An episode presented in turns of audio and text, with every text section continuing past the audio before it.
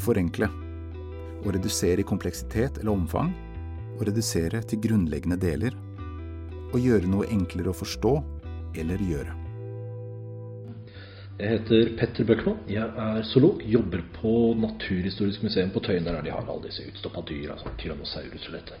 Jeg har um, kontoret mitt 15 meter fra nesa til tyrannosaurusen. Jeg har kanskje Norges kuleste kontorplass. Zoolog det har jeg alltid visst at jeg skulle bli, egentlig. Uh, jeg hadde en kristendomslærer i tredje klasse som var veldig flink. Og en gang så kranglet vi høylytt, tror jeg til og med det var, om hvorvidt første Mosebok egner seg som naturfagsbok eller ikke. Og etter en lang krangel så så hun hardt med og sa jeg tror du bør bli biolog. Og det ble jeg.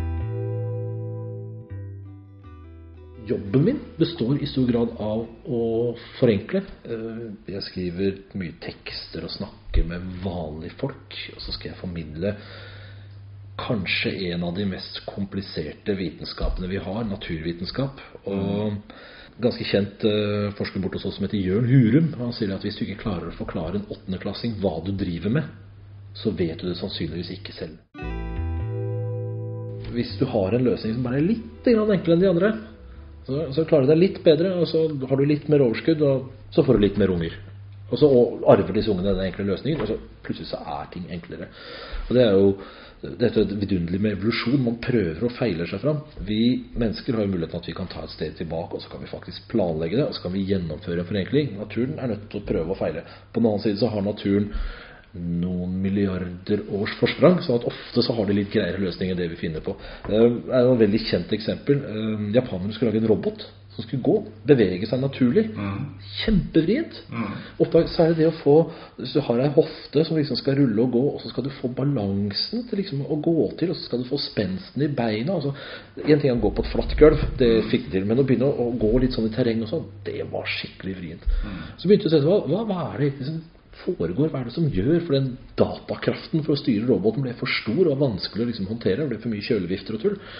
Så i, i, naturen så er, ikke, så er det ikke styrt alle de der små bevegelsene med at du skal ligge akkurat så mye vekt der og så mye vekt der. Det er egenskaper ved selve vevet. Det er egenskaper ved sener og knokler og som liksom svikter av seg selv. Det er bare å sørge for at det er bygget av riktig materiale. Overlate på en måte alle avgjørelser om spenst til materialet. Og så har du min minimum av, av nerveinput når du skal bevege deg. Det er veldig lett å bli for kritisk til det man driver med sjøl. I all hovedsak så er godt nok mer enn bra nok. Og Det er fryktelig fryktelig lett når man skal gjøre ting sjøl, å la det perfekte bli det godes fiende.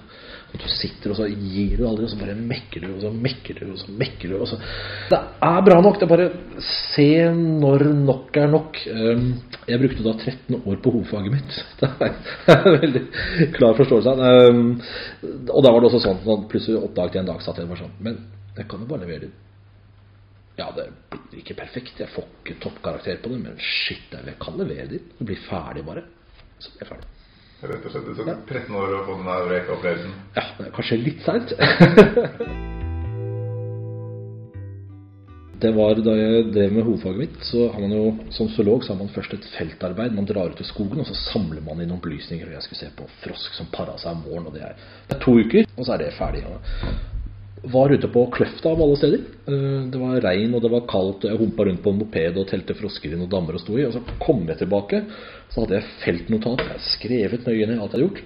Og så la jeg fra meg de notatene, og så sa jeg til Jeg bodde i kollektiv, sa jeg til gutta nå Ikke rør tingene mine. Nå drar jeg på ferie, for det har jeg fortjent. Og så kommer jeg tilbake, og så skal jeg gjøre med noe med hovedfaget mitt. Så kom jeg tilbake, så hadde gutta, gutta ryddet. De hadde ikke ryddet, de hadde leid en dame for å rydde for seg. De hadde forenklet. Uh, og det kan jo være galt av sted. Uh, de notatene var ingen steder. De var ikke i søppelkassa. De var ikke noen sted. Den bilen hadde kjørt til Grønmo for lenge siden. Uh, og dermed så var jeg ett år på etterskudd. Men det jeg lærte av dette her, det var det at hvis du har papirer som du faktisk ikke må miste, putt dem i en skuff. Ha én skuff til papirene dine.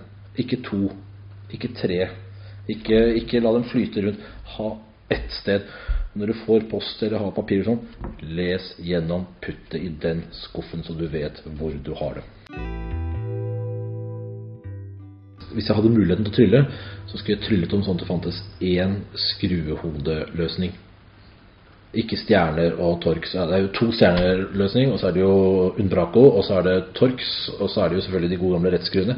Jeg må innrømme at jeg har blitt så fæl at jeg har nå gått hen og så har jeg kjøpt meg et ras med skruer med like huer, så jeg bytter ut alle skruene når de kommer i huset.